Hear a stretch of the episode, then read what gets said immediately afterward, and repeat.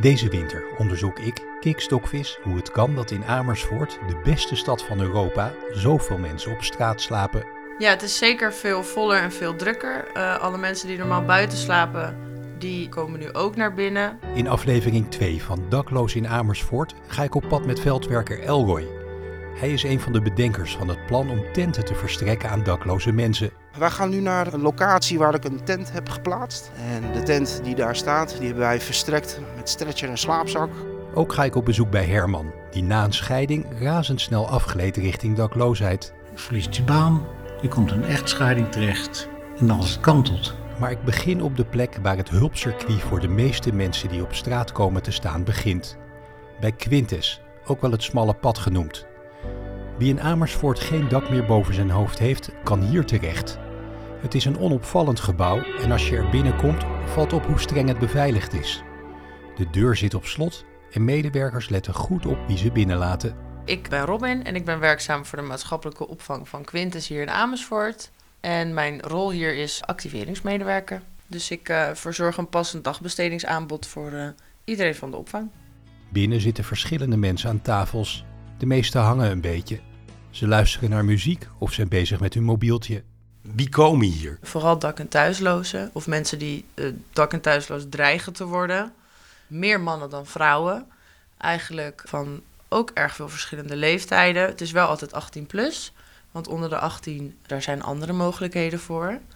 Wanneer kom je hier? Je komt hier als je dak- en thuisloos dreigt te worden of al bent. De een die meldt zichzelf hier aan, de ander wordt aangemeld door een uh, wijkteammedewerker of die wordt hier gebracht door de politie. Er zijn heel veel verschillende manieren hoe je hier terecht kan komen. En wat gebeurt er als je hier meldt? Als je hier meldt, uh, wordt er eerst gekeken of wij je een slaapplek kunnen aanbieden. Dus of de opvang niet al overvol is. Als deze overvol is, dan gaan we op zoek naar een andere plek waar je kan slapen. Maar we zijn eerst bezig met de eerste levensbehoeftes. Dus eten, slapen, even een warme douche en dat soort zaken. En daarna wordt er gekeken waar jij uh, behoefte aan hebt, wat jij nodig hebt, maar ook wat je zelf wilt. Niet iedereen wil hetzelfde. Voor hoeveel mensen is hier plek? Uh, er is hier plek voor uh, tussen de 24 en de 27 mensen. We hebben reguliere bedden en we hebben noodbedden. Beneden in de woonkamer hebben we dus ook een paar stretchers staan. voor mensen die ja, echt geen andere plek hebben, maar die toch onderdak nodig hebben. Robin laat me ook de bovenetage zien. Daar zijn slaapkamers voor de cliënten. De meeste bewoners delen een kamer met z'n vieren. En ik kan me voorstellen dat dat s'nachts behoorlijk onrustig is wanneer mensen met een slok op of iets anders bij elkaar op de kamer moeten slapen. We hebben nu een hele koude periode achter de rug. Het is nu uh, eind januari. Uh, merkten jullie dat het voller was dan normaal? Ja, het is zeker veel voller en veel drukker. Uh, alle mensen die normaal buiten slapen, die komen nu ook naar binnen. Ofwel door hun eigen keus, ofwel omdat zij gevonden worden op straat. Dan hier worden afgeleverd. Ook in samenwerking met het, onder andere het leger des Heils is er een extra winteropvang geopend op het zonneschildterrein. Waar dan nog meer extra bedden zijn gecreëerd voor deze mensen. Er komen hier dus heel veel verschillende soorten mensen. Gaat dat altijd goed? Nee, dat, dat gaat helaas niet altijd goed. Er zijn heel veel verschillende problematieken die met elkaar op de kamer slapen. En ja, dat, dat botst wel eens. Hoe gaan jullie daarmee om? We doen ons uiterste best om iedereen zo best mogelijk te helpen. Maar sommige dingen, ja, daar kunnen wij helaas ook weinig aan doen. Maar we proberen natuurlijk wel de veiligheid te waarborgen en een hoop uh, ruzies en discussies te sussen. Maar ik moet ook zeggen dat het eigenlijk ook wel heel vaak goed gaat. En dat is ook wel heel fijn. Stel je luistert niet naar de regels die jullie hier stellen, wat gebeurt er dan? Dat verschilt een beetje wat de temperatuur buiten is. We hebben verschillende fases in dus die winterregeling waar ik het net ook over had. In de winterregeling fase 2, dus wanneer het echt, echt heel koud is, hebben wij wat minder regels die we kunnen opleggen. Maar normaliter als je hier binnen niet luistert, dan krijg je een 23,5 8. En dat betekent dat je naar buiten moet en hier alleen mag slapen en de maaltijd mag nuttigen. Maar dat je hier alleen welkom bent tussen 11 uur s avonds en half 8 ochtends. Maar nogmaals, in de winter, echt strenge winter, ja, doen we dat ook niet, want dat is niet menselijk.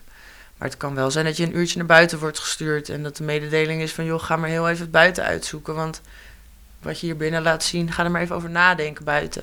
En hoe zorg je er nou voor dat mensen naar je luisteren? Oeh, dat is een hele lastige vraag. Uh, daar heeft iedereen zo zijn eigen, eigen stijl in. Er zijn natuurlijk wel richtlijnen vanuit Quintus. Ja, je begint natuurlijk met het gesprek aangaan met de cliënt of met de bewoner. En je deelt wat je observaties zijn en, en je deelt mee waar je naartoe wilt. Hè, hoe je het wel zou willen zien. Maar op den duur mochten mensen daar echt, echt niet naar luisteren of de boodschap komt niet aan. Dan wordt het dus wat ik net zeg, meer met een soort ga maar even naar buiten. Oké, kom maar weer binnen. En dan gaan we op die manier proberen dat gedrag ook ja, te creëren. We kunnen eigenlijk niet zo heel veel. Dat is eigenlijk een beetje de conclusie. Maar wat is dan jouw stijl? Nou, ik ben best wel streng en heel duidelijk. Waar sommige mensen wel een beetje, dat een beetje lastig vinden. Maar het grote deel vindt het eigenlijk wel fijn, want je weet altijd waar je aan toe bent. Dus ik zeg tegen iedereen hetzelfde, ik behandel iedereen hetzelfde. En ik communiceer heel erg, nou ja, wat je van mij kan verwachten, maar ook wat ik van jou verwacht. En ik zeg ook altijd dat je mij mag aanspreken op dingen. En dat je het gesprek mag aanknopen. En nou, dat krijg ik altijd terug als dat, dat wel heel prettig is. Je bent streng maar rechtvaardig. ja, nou, dat, uh, dat hoop ik. Via straatpastor Bernadette uit de vorige aflevering ben ik in contact gekomen met Herman. Hij heeft jaren in het Amersfoortse hulpcircuit doorgebracht. Vanuit een normaal leven met huis en een baan gleed hij in no time af richting dakloosheid. Hey, goedemorgen, hey, Herman. Welkom man. Hoi Kiks, welkom Herman. Hey. Mijn naam is uh, Herman van der Struif en ik ben uh, geboren in Delft en via wat omzwervingen in het Amersfoort uh, terecht gekomen sinds 1979. En we wonen hier met heel veel plezier na wat tegenslagen in het leven. We zitten hier in jouw gezellige benedenwoning in Amersfoort, maar dat heeft even geduurd hè, voordat jij hier terecht bent gekomen. Ja, klopt helemaal. na mijn scheiding ben ik bij mijn moeder gaan wonen op de Verandwijklaan en na overlijden moest ik het huis uh, helaas verlaten. En ben ik in de maatschappelijke opvang terechtgekomen van Amersfoort. Want hoe is dat dan gegaan? Je, je komt in een scheiding terecht, dan, dan ga je inderdaad bij je moeder wonen. Maar hoe gaat dat dan verder? Hoe komt dat dan dat je vervolgens bijna op straat komt te staan? Het huurcontract kon niet op mijn naam worden gezet. Toen was de regel nog van, joh, het is vervelend, maar de hoofdhuurder is overleden. Dus jij moet weg. En aangezien de wachttijden sociale huurwoningen in Amersfoort toen ook al een jaar of acht waren, ja, toen ben ik met een maatschappelijke opvang hier op het smalle pad uh, terechtgekomen. Dat is Quintus, hè? dat is de opvang waar mensen terecht kunnen die anders gewoon op straat moeten leven. Klopt. Uh, Quintus uh, Smalle Pad die kent een dagopvang en een nachtopvang, twee gescheiden werelden. Maar het is ook wel een hele bijzondere wereld. Heel veel mensen die komen daar terecht, min of meer gedwongen zou je kunnen zeggen.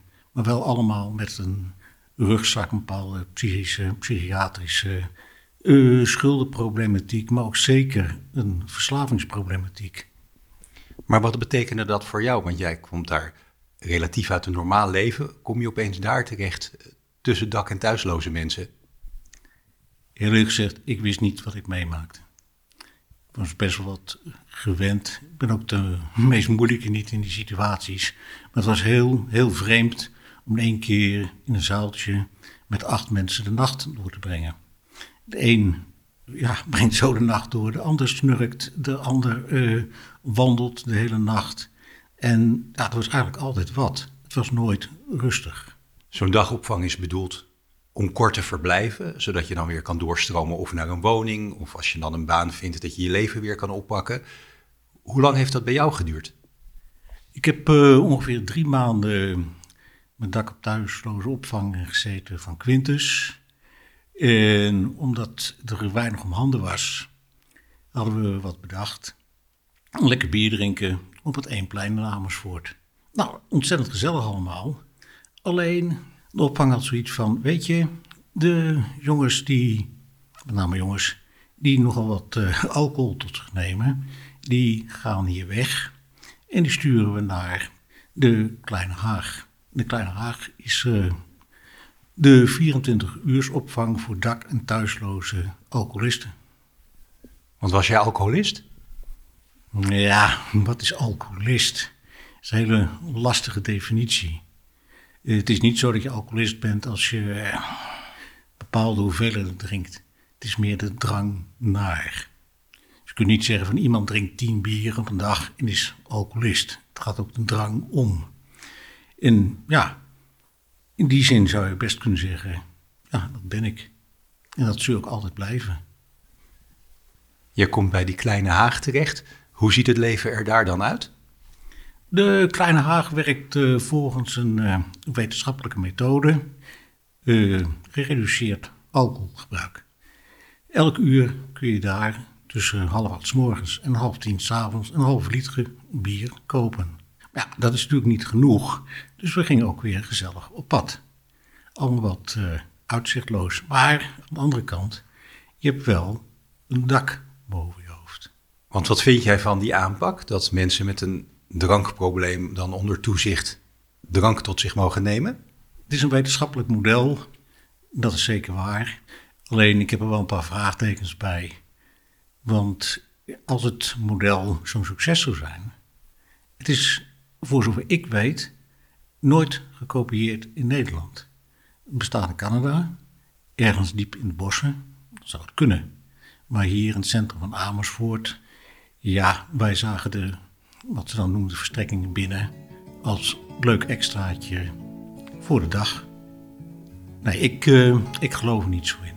Een van de mensen achter het tentenplan is veldwerker Elroy. Ik vind het spannend dat ik vandaag met hem mee op pad mag om te kijken naar de tentjes die her en der in en om Amersfoort zijn opgezet voor dakloze mensen. Mijn naam is uh, Elroy Spangenberg. Ik ben 45 jaar. Ik ben uh, de veldwerker van de Jelinek en van Team Bas. Team Bas staat voor Bemoeizorg Amersfoort Stad. En ik werk buiten op straat. Wat houdt dat werk in? Het werk houdt in dat wij buiten op straat mensen zoeken die ja, nergens kunnen aansluiten met betrekking tot de maatschappelijke opvang. Dus die probeer ik dan toe te leiden of in ieder geval kenbaar te maken wat de mogelijkheden zijn binnen Amersfoort. Als het gaat om verblijf, als het gaat om bad, bed en brood, als het gaat om zorg. Dus dat is eigenlijk ook wat ik in grote lijnen doe. Mensen zoeken en ze toeleiden naar de reguliere hulpverlening. En hoe zoek je die mensen? Door zelf rond te lopen, door zelf te kijken, het netwerk uh, in te zetten. En het netwerk, daar bedoel ik onder dan uh, uh, mensen die ook werkzaam zijn in het zorglandschap. Maar ik trek ook op met de politie, met de BOA's, met bezorgde mensen die als inwoner van Amersfoort ook dingen zien. Dus een breed scala van mensen met wie ik samenwerk en op die manier mensen proberen te zoeken en te vinden. En je doet dit werk ook best wel lang, hè? dus ik kan me voorstellen dat jij in en om Amersfoort de situatie wel goed kent. Ja, ja, dat klopt. Ik denk dat ik nu bijna 17 jaar voor de organisatie werk. Dus ik bedien helaas al bijna de tweede generatie uh, als het gaat om die mensen die buiten lopen. Of in een verslaving zeg maar, zitten, want daar ben ik ooit begonnen. De gebruikersruimte hier in Amersfoort. En uh, ja, als je het ergens naar je zin hebt, dan, uh, dan tikken de jaren weg. Nu ben ik aangeslagen op het bericht dat er meer dak- en thuislozen bij zijn gekomen. En dat er tenten werden uitgedeeld. Hoe kijk jij daarnaar? Dat er meer dak- en thuislozen zijn bijgekomen, ja, ik denk dat dat, uh, dat cijfertjeswerk, daar, heb ik geen zicht op. Ik zie inderdaad wel mensen die uh, buiten op straat rondlopen, die geen aansluiting kunnen vinden bij de reguliere hulpverlening en de maatschappelijke opvang. Uh, ja, dat noemen wij dan de, onze paradijsvogeltjes, die, ja, die niet kunnen landen. En dat heeft dan te maken met de complexiteit die eromheen hangt. Of dat de persoon zelf niet gebruik wil maken van de maatschappelijke opvang, omdat er van alles namens eigen zeggen zou mankeren. Dan moet je dus gaan kijken naar andere mogelijkheden. Ja, en dat is een beetje wat we nu aan het doen zijn. Kijk, wij delen geen tenten uit, hè. laten we dat voorop zetten. Wij verstrekken tenten uh, met zorg. Dus daar zit wel een verschil in. Ik zal je straks een, een locatie laten zien waar we zo'n tent hebben staan. En dan zal ik daar wat meer over vertellen straks. En waarom zijn die tenten nodig?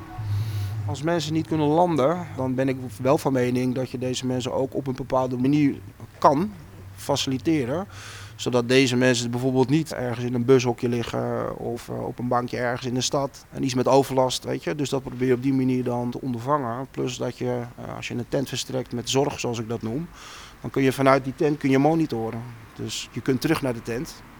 Je kunt dingen brengen. Je kunt de persoon die daar ligt kun je monitoren met betrekking tot bijvoorbeeld zijn gezondheid. Als je ziet dat dingen niet goed gaat, eh, dan kan je snel schakelen. Je, je kunt dingen voor zijn, preventief dus. Dat is wel mijn werkwijze. Ik probeer op die manier wel gewoon uh, de problemen die er eventueel zouden kunnen komen, om die dan te verkleinen. We gaan zo verder op pad met Elroy. Eerst terug naar mijn bezoek aan de dagopvang van Quintes. Hulpverlener Robin vertelt hoe lang mensen er gemiddeld blijven. Het idee is eigenlijk maar een maand of drie, dat dat zou wenselijk zijn. Maar we merken gewoon dat dat al heel lang niet meer van toepassing is. Het is echt wel een stuk langer. En nogmaals, iedereen is anders, maar ik, ik toch wel richting een jaar. En dan heb ik het niet per se over hier op deze locatie, maar wel binnen dit systeem wat we dus nu bespreken. Zeker wel een jaar. En ik ben bang eigenlijk wel wat langer. En wat doet dat met die mensen? Nou, voor sommigen doet het ook wel iets goeds. Mensen die op straat hebben geleefd, die zie je hier soms ook wel positief veranderen, omdat ze hier kunnen oefenen en wennen met bepaalde gedragsregels of omgangsvormen. En er dan ook achter komen wat ze dan echt wel willen. En dan kunnen we ze soms dus ook verder helpen. Maar voor een ander is het ook weer een hele vervelende situatie. Want als je hier binnenkomt omdat je hier sec een huis nodig hebt. En je komt toch met mensen met verslavingsproblematiek of, of psychische klachten kan het ook maar zo zijn dat je dan ja, ook zelf wat harder achteruit gaat. Of toch geconfronteerd wordt met uh, de andere dingen die er gebeurd zijn. Dus het is enorm divers. Wat vind je van de aanpak uh, van de gemeente Amersfoort als het gaat om dakloze problematiek? Ik vind het het allerbelangrijkste dat we uh, met z'n allen aan het gezamenlijke doel werken. Dat we natuurlijk iedereen van de straat halen, die dat ook zelf wil. En dat er plekken worden gecreëerd waar ja, iedereen kan slapen en naar binnen mag. Ik merk wel dat het soms hè, met alle verschillende organisaties die erbij betrokken zijn, dat het ook nog wel wat uitdagingen heeft. Maar met deze winterfase in ieder geval lukt het ons steeds beter om ook echt iedereen naar binnen te halen en een plek te bieden. Dus dat, uh, dat ervaar ik wel als heel positief. Kan je in dit werk ook een band met een cliënt opbouwen? In wat ik doe in mijn functie net wat meer dan wat ik soms bij mijn collega's zie. Mijn officiële titel is activeringsmedewerker, maar dat houdt eigenlijk in dat ik juist heel erg op dat persoonlijk contact ga zitten. En dan net geen maatjes, maar toch ook wel heel vriendelijk en veel humor. En vooral kijken naar wat de mensen nog wel hebben, wat ze wel kunnen, wat ze zouden willen. Dus ook heel erg uitvragen, wat zijn je dromen? Hè? Hoe, hoe zou je willen dat de toekomst eruit komt te zien? En hoe kunnen we daar nu nou, alvast wat stappen in zetten? Zelf werk ik ook heel erg vanuit mijn eigen ervaringsdeskundigheid en kennis. En merk ik dat ik daar ja, eigenlijk acht van de tien keer echt wel een band kan opbouwen met mensen. Dus ja, het is zeer, zeer leuk juist. En zijn er dan ook verhalen waar je trots op bent? Zeker. Het is alleen nooit echt puur natuurlijk alleen maar succes. Het gaat wel gepaard ook met een hele hoop andere situaties die erbij komen kijken. Maar ik heb zeker een aantal verhalen waarvan ik denk: zo, dat had ik niet, uh, niet verwacht toen ze binnenkwamen. Zoals ze dan nu ons verlaten en uh, naar een volgende stap gaan. Ja. En dat zit hem dan voornamelijk in het vinden van werk bijvoorbeeld. Hè? Want de doelen zijn vaak wel wat kleiner of behapbaarder. Maar voorheen draaide ik een uh, best wel succesvol klussenproject. Dus met deze doelgroep de wijk in, bij mensen thuis kleine klusjes doen. Het was ontzettend mooi om te zien hoe mensen eigenlijk niet wisten welke vrijwilligers ze binnen hadden. Dan aan het eind van de middag vroeg ik ook: Goh, heeft u enig idee hè, wie wij nou zijn? Behalve dat we u dan aan het helpen zijn. Maar Oh, nee, eigenlijk geen idee. En dat benoemde ik ook. Nou, we zijn van Smalle Pad 4. Uh, dit zijn dak- en thuislozen. Och jeetje, dak- en thuislozen. Nou, maar zo zien ze er niet uit. Nou, dat had ontzettend dan hele mooie uh, gesprekken. Maar ook voor de jongens. Ja, de cliënten, ik noem ze jongens. Maar de jongens, die hebben daar wel heel veel zelfvertrouwen op gebouwd. En die, een aantal daarvan zijn ook uitgestroomd of doorgegroeid naar een vaste baan. Je zegt ik ben ervaringsdeskundige. Wat bedoel je daarmee? Daarmee bedoel ik dat ik onlangs een opleiding heb afgerond over dit onderwerp, waardoor ik me ook ervaringsdeskundige mag noemen. Maar het betekent eigenlijk vooral dat ik een hele hoop ontwrichtende dingen heb meegemaakt in mijn jeugd en eigenlijk in mijn hele leven. Dit is ook de reden waarom ik de zorg in ben gegaan, omdat ik daar graag wat nuttigs mee wilde doen. En om dat een beetje tastbaar te maken, uh, ik heb een hele vervelende gezinssituatie gehad vroeger. En als resultaat daarvan ben ik verslaafd geworden, afgekikt. Ik heb mijn hele leven omgedraaid. Ik ben een studie gaan doen. En nu kan ik zeggen dat het leven er heel erg anders uitziet. Maar ik kan als geen ander begrijpen dat er een punt in je leven kan komen waar je alles kwijt bent en niet meer weet hoe je daar bent gekomen. Heel graag iets anders wilt, maar eigenlijk iemand nodig hebt nou ja, die je in dat proces begeleidt of helpt of op weg helpt. En werken vanuit die kennis of uit die ervaring vind ik wel heel erg belangrijk. Herman is zo'n succes. Hij bracht jaren door in het hulpcircuit, maar wist van zijn alcoholverslaving af te komen en terug te keren in het normale leven. Hoe is het vervolgens verder met jou gegaan? Je hebt dus eerst in die dagopvang gezeten, drie maanden. Vervolgens bij de Kleine Haag uh, onder toezicht vanwege het alcoholgebruik. Hoe is het jou toen verder vergaan? Hoe lang heb je daar gezeten? Uh, ik heb daar uh, ongeveer drie jaar gezeten, van oktober 2017 tot oktober 2020. Toen ben ik doorgestroomd naar een begeleid wonen project van Quintus hier aan de Soesterweg. Maar dat alcoholgebruik, dat bleef. En dat belemmert je op een gegeven moment toch wel om verder te komen in je leven. En ik wilde heel graag daar toch wat aan doen.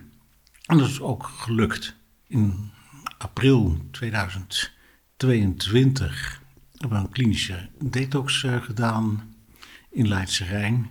En nu, al bijna twee jaar, is mij toch gelukt om van drank af te blijven. En dat is eigenlijk een heel mooi cadeau wat je jezelf kunt geven. Dat je ook niet meer in aanraking komt met een wereld die je toch niet verder brengt. Kijk, ga niet zeggen dat het allemaal zwart en vervelend is geweest, verre van. Dat brengt je ook niet veel verder. In klinische detox en ook, wat ook wel genoemd mag worden, met behulp van, net hier van het straatpastoraat, hebben toch voor elkaar gekregen om weer een mooi, fijn en zeker gezond leven op te bouwen. En daar ben ik ieder dankbaar voor. Ik kan me voorstellen dat je in die tijd veel vrienden hebt gemaakt ook. Hoe is het met hen? Zie je hen nog wel eens? Een aantal vrienden, als ik het zo zou mogen noemen. Nu kun je wel de kanttekening maken dat die vriendschappen vaak wel gebaseerd zijn op het gebruik van, in dit geval alcohol. Uh, helaas een aantal van deze mensen, die leven niet meer. Dat is uh, moeilijk. En ook uh, binnen de Kleine Haag zelf heb ik helaas een, een paar sterfgevallen meegemaakt. Alcohol is en blijft natuurlijk een sloopkogel. Voor je scheiding leefde je eigenlijk een normaal leven. Hè? Kan je daar iets over vertellen? Ja, dat was eigenlijk een uh, huistuin- en keukenleven, zoals uh, je dat zo mooi zou kunnen noemen. Uh, gewoon een vaste baan, eigen huis en een huwelijk.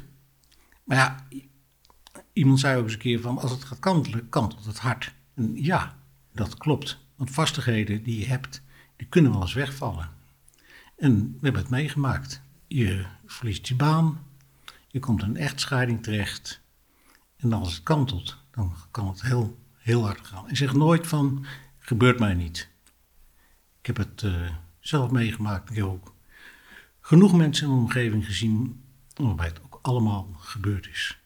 Hoe zien de dagen er in zo'n dagopvang uit? Dagopvang uh, Quintus aan het smalle pad, die gaat om uh, tien uur open.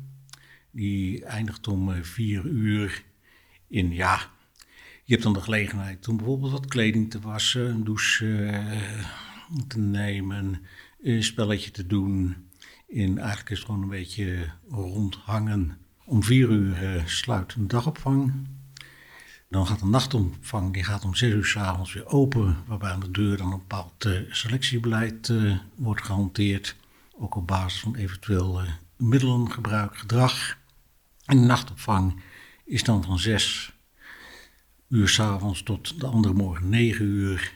En die was in mijn dagen, ik meen 8 euro per nacht. En dat dan inclusief een warme maaltijd en een ontbijt. En dan kijken we eventjes naar de Kleine Haag. Daar heb je drie jaar doorgebracht. Hoe zien die dagen er daar dan uit? Ja, leuk dat je het vraagt. Nou, dat zullen misschien niet veel mensen geloven. Maar dat begint s morgens om half acht als de bar open gaat met een uh, halve liter. En dat noemden wij een goeiemorgen. En dat zei ook tegen elkaar, goeiemorgen. En de rest van de dagen, die werden een beetje doorgebracht met uh, bier drinken, een beetje rondhangen in de stad. Beetje kijken of we hier of daar nog eens een uh, blikje konden kopen. Een beetje rondhangen in het park. Uitkijken dat de handhavers ons niet achterop kwamen. Eigenlijk weinig constructief.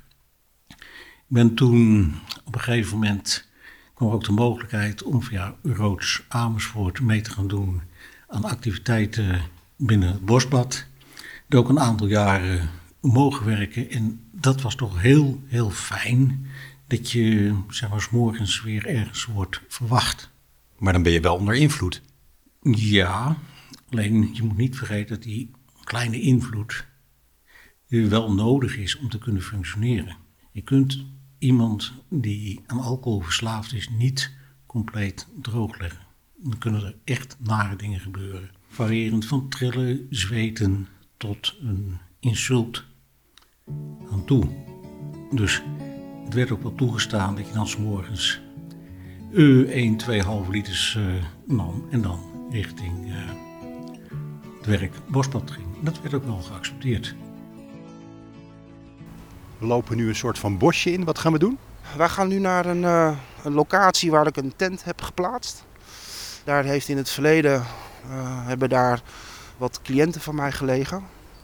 En de tent die daar staat, die hebben wij verstrekt met stretcher en slaapzak. De tent is nu als goed leeg. We zijn ook vlakbij een spoor, zoals je misschien kan horen. Ja, daar is die. Je ziet in de verte al de tent staan. Deze tent, ja, die bezoeken we dan op het moment dat wij daar iemand in hebben liggen. En op die manier proberen we dan te monitoren. De mensen die in deze tenten liggen, dat zijn over het algemeen de mensen die nergens uh, terecht kunnen. Omdat ze groepsongeschikt zijn, niet kunnen dijnen met, uh, met andere mensen. Dus uh, ja, daar moet je wat ja, creatieve oplossingen voor zoeken. En als de persoon zelf nergens meer naar binnen mag vanuit een maatregel, ja, dan moet je iets anders aanbieden. Als je me er niet op had gewezen, dan had ik hem niet gezien. Maar het is inderdaad een klein groen tentje vlak naast het spoor. Ja, correct. Dat is ook de reden waarom we deze plek hebben gekozen. Toen wij deze tent plaatsten, nou je ziet alles is nu kaal. Dit stukje bos is niet winterhard. Uh, dus dan moet je ook even rekening houden met de kleur van je spullen. En de opstelling daarvan. Nou, en ik denk dat dat hier aardig goed gelukt is. Ik heb ook tenten staan in bossen waar je dus te maken hebt met hulst en met dennenbomen en dat soort zaken. En uh, die zijn over het algemeen wat uh, bebosser en dan sta je nog discreter. En dat is eigenlijk wel wat je wilt op het moment dat je ja, voor een x periode in een tent verblijft. Ook, ja, je wil geen bezoek, je wil geen overlast van anderen. Ja, ook iets met veiligheid. Ja. En maakt nu iemand gebruik van deze tent? Ik weet het niet, zullen we eens even gaan kijken wat, wat we aantreffen. Momenteel heb ik er nu niks liggen. Maar het zou dus best kunnen zijn dat, ja, dat er iemand in zit. Nou, kijk, je kunt zien, de tent is nu uh, momenteel leeg. Hij is ook iets wat uh, nou, beschadigd wil ik niet zeggen. Uh, maar dit is wel een teken voor ons om te zeggen van joh, deze tent wordt, wordt niet bewoond. Dus hier gaan we binnenkort even een gepaste actie opzetten door hem even weer recht te zetten en netjes te maken. of af te breken afhankelijk van waar de vraag naar is. Maar dit zijn de dingen die we proberen te faciliteren voor de mensen die ja, hier gebruik van willen en kunnen mogen maken. Ja. Ja, want hij is nu een beetje stuk gewaaid lijkt wel, hè? Ja, ja, ja. nou dat, dat gebeurt. Als iets niet bewoond wordt, dan is dit meestal wel het resultaat. Je merkt wel dat bij andere locaties, als er wat meer uh, rumoer is als het gaat om bewoon, dan dat mensen daar ook wel beter voor zorgen. Uh, maar misschien daar uh, later op de dag ja, even een andere locatie bezoeken. Om daar even de verschillen in te zien. Maar uh, dit is een beetje de locatie waar we in ieder geval in het voorjaar veel gebruik van gemaakt hebben. Zeker, ja. Deze plek wordt momenteel dus niet gebruikt. Maar Elroy neemt me mee naar een tweede plek, waar ook tenten staan. We gaan nu de weg af. Waar zijn we hier? Wij zijn nu in een ander deel van Amersfoort. Uh, wederom weer bij een spoorovergang. En ik neem je even mee naar een stukje bos. Waar momenteel nu twee tenten staan. Dat is eigenlijk een beetje hetzelfde waar we eerst waren. Alleen uh, ja, misschien hebben we nu wel mensen die daar zitten, want wederom deze tenten staan ook leeg. Deze plek die, is tot stand gekomen, weet je, als diezelfde en al deze plekken waar we de tenten verstrekken met zorg, die worden dan ook kenbaar gemaakt bij de gemeente, BOA politie. Dus ja, dan wordt het een soort van gedoogbeleid. Hè, dat mensen die daar uh, neer worden gelegd, om het zo maar te noemen, dat die dan ook niet worden lastiggevallen door iets wat kan handhaven, omdat het dan daar ook bekend is ja, dat het in deze situatie uh, gewoon mag. Ja. Dat maakt het wel een beetje bijzonder. Dat je eigenlijk, wij dan als veldwerkers echt op zoek gaan naar plekken waar we een beetje in de luwte kunnen liggen. Nou, dit is een beetje dat winterharde bos waar ik het eerder over had. Met dennenbomen, hulst. Dus het is wat, blijft wat groener. Ik zie in de verte een tent. Ja, je ziet in de verte inderdaad al wat op. Bloemstijgen inderdaad, dat is een tent. Gaan we nou eens even kijken wat we daar, uh, wat we daar aantreffen. En voor mijn begrip hè, vinden die dakloze mensen nou zelf die tent? Of helpen jullie ze aan die locaties? Uh, het laatste, wij helpen ze aan die locaties. Dus op het moment dat wij dus uh, in contact komen met, uh, met een klant, wij maken dan een inschatting voor joh, wat is dan het beste. Of inderdaad richting maatschappelijke opvang of een ander alternatief. En inderdaad voor onze paradijsvogels een ander alternatief. En dan gaan wij op zoek naar een geschikte passende locatie voor die persoon. wat wij dan doen is, wij bouwen alles op. En dan brengen we de persoon daarheen in een vol ingerichte unit, om het zo maar te noemen. Bestaande uit een uh, stretcher goede slaapzak. Uh, die leggen we dan in de tent. Nou, sommige tenten zijn ook voorzien van wat uh, plastic opbergdozen. Ook om ongedierte en zo te mijden en te weren. Zodoende krijgen ze dan eigenlijk gewoon een kant-en-klare plek aangeboden met inderdaad dat hele belangrijke stukje zorg. Dus dat betekent dat wij meerdere malen per week en misschien wel dagelijks afhankelijk van de situatie en de, en de wens op bezoek komen. In de volgende en laatste aflevering van Daklozen in Amersfoort ga ik op zoek naar daklozen die de weg naar de hulpverlening nog niet hebben gevonden. En ik hoop in contact te komen met een tentbewoner. Dakloos in Amersfoort is een productie van Audiopodcast in samenwerking met Nieuwsplein 33. De totstandkoming is mede mogelijk gemaakt door de subsidieregeling Projecten Lokale Journalistiek in Amersfoort.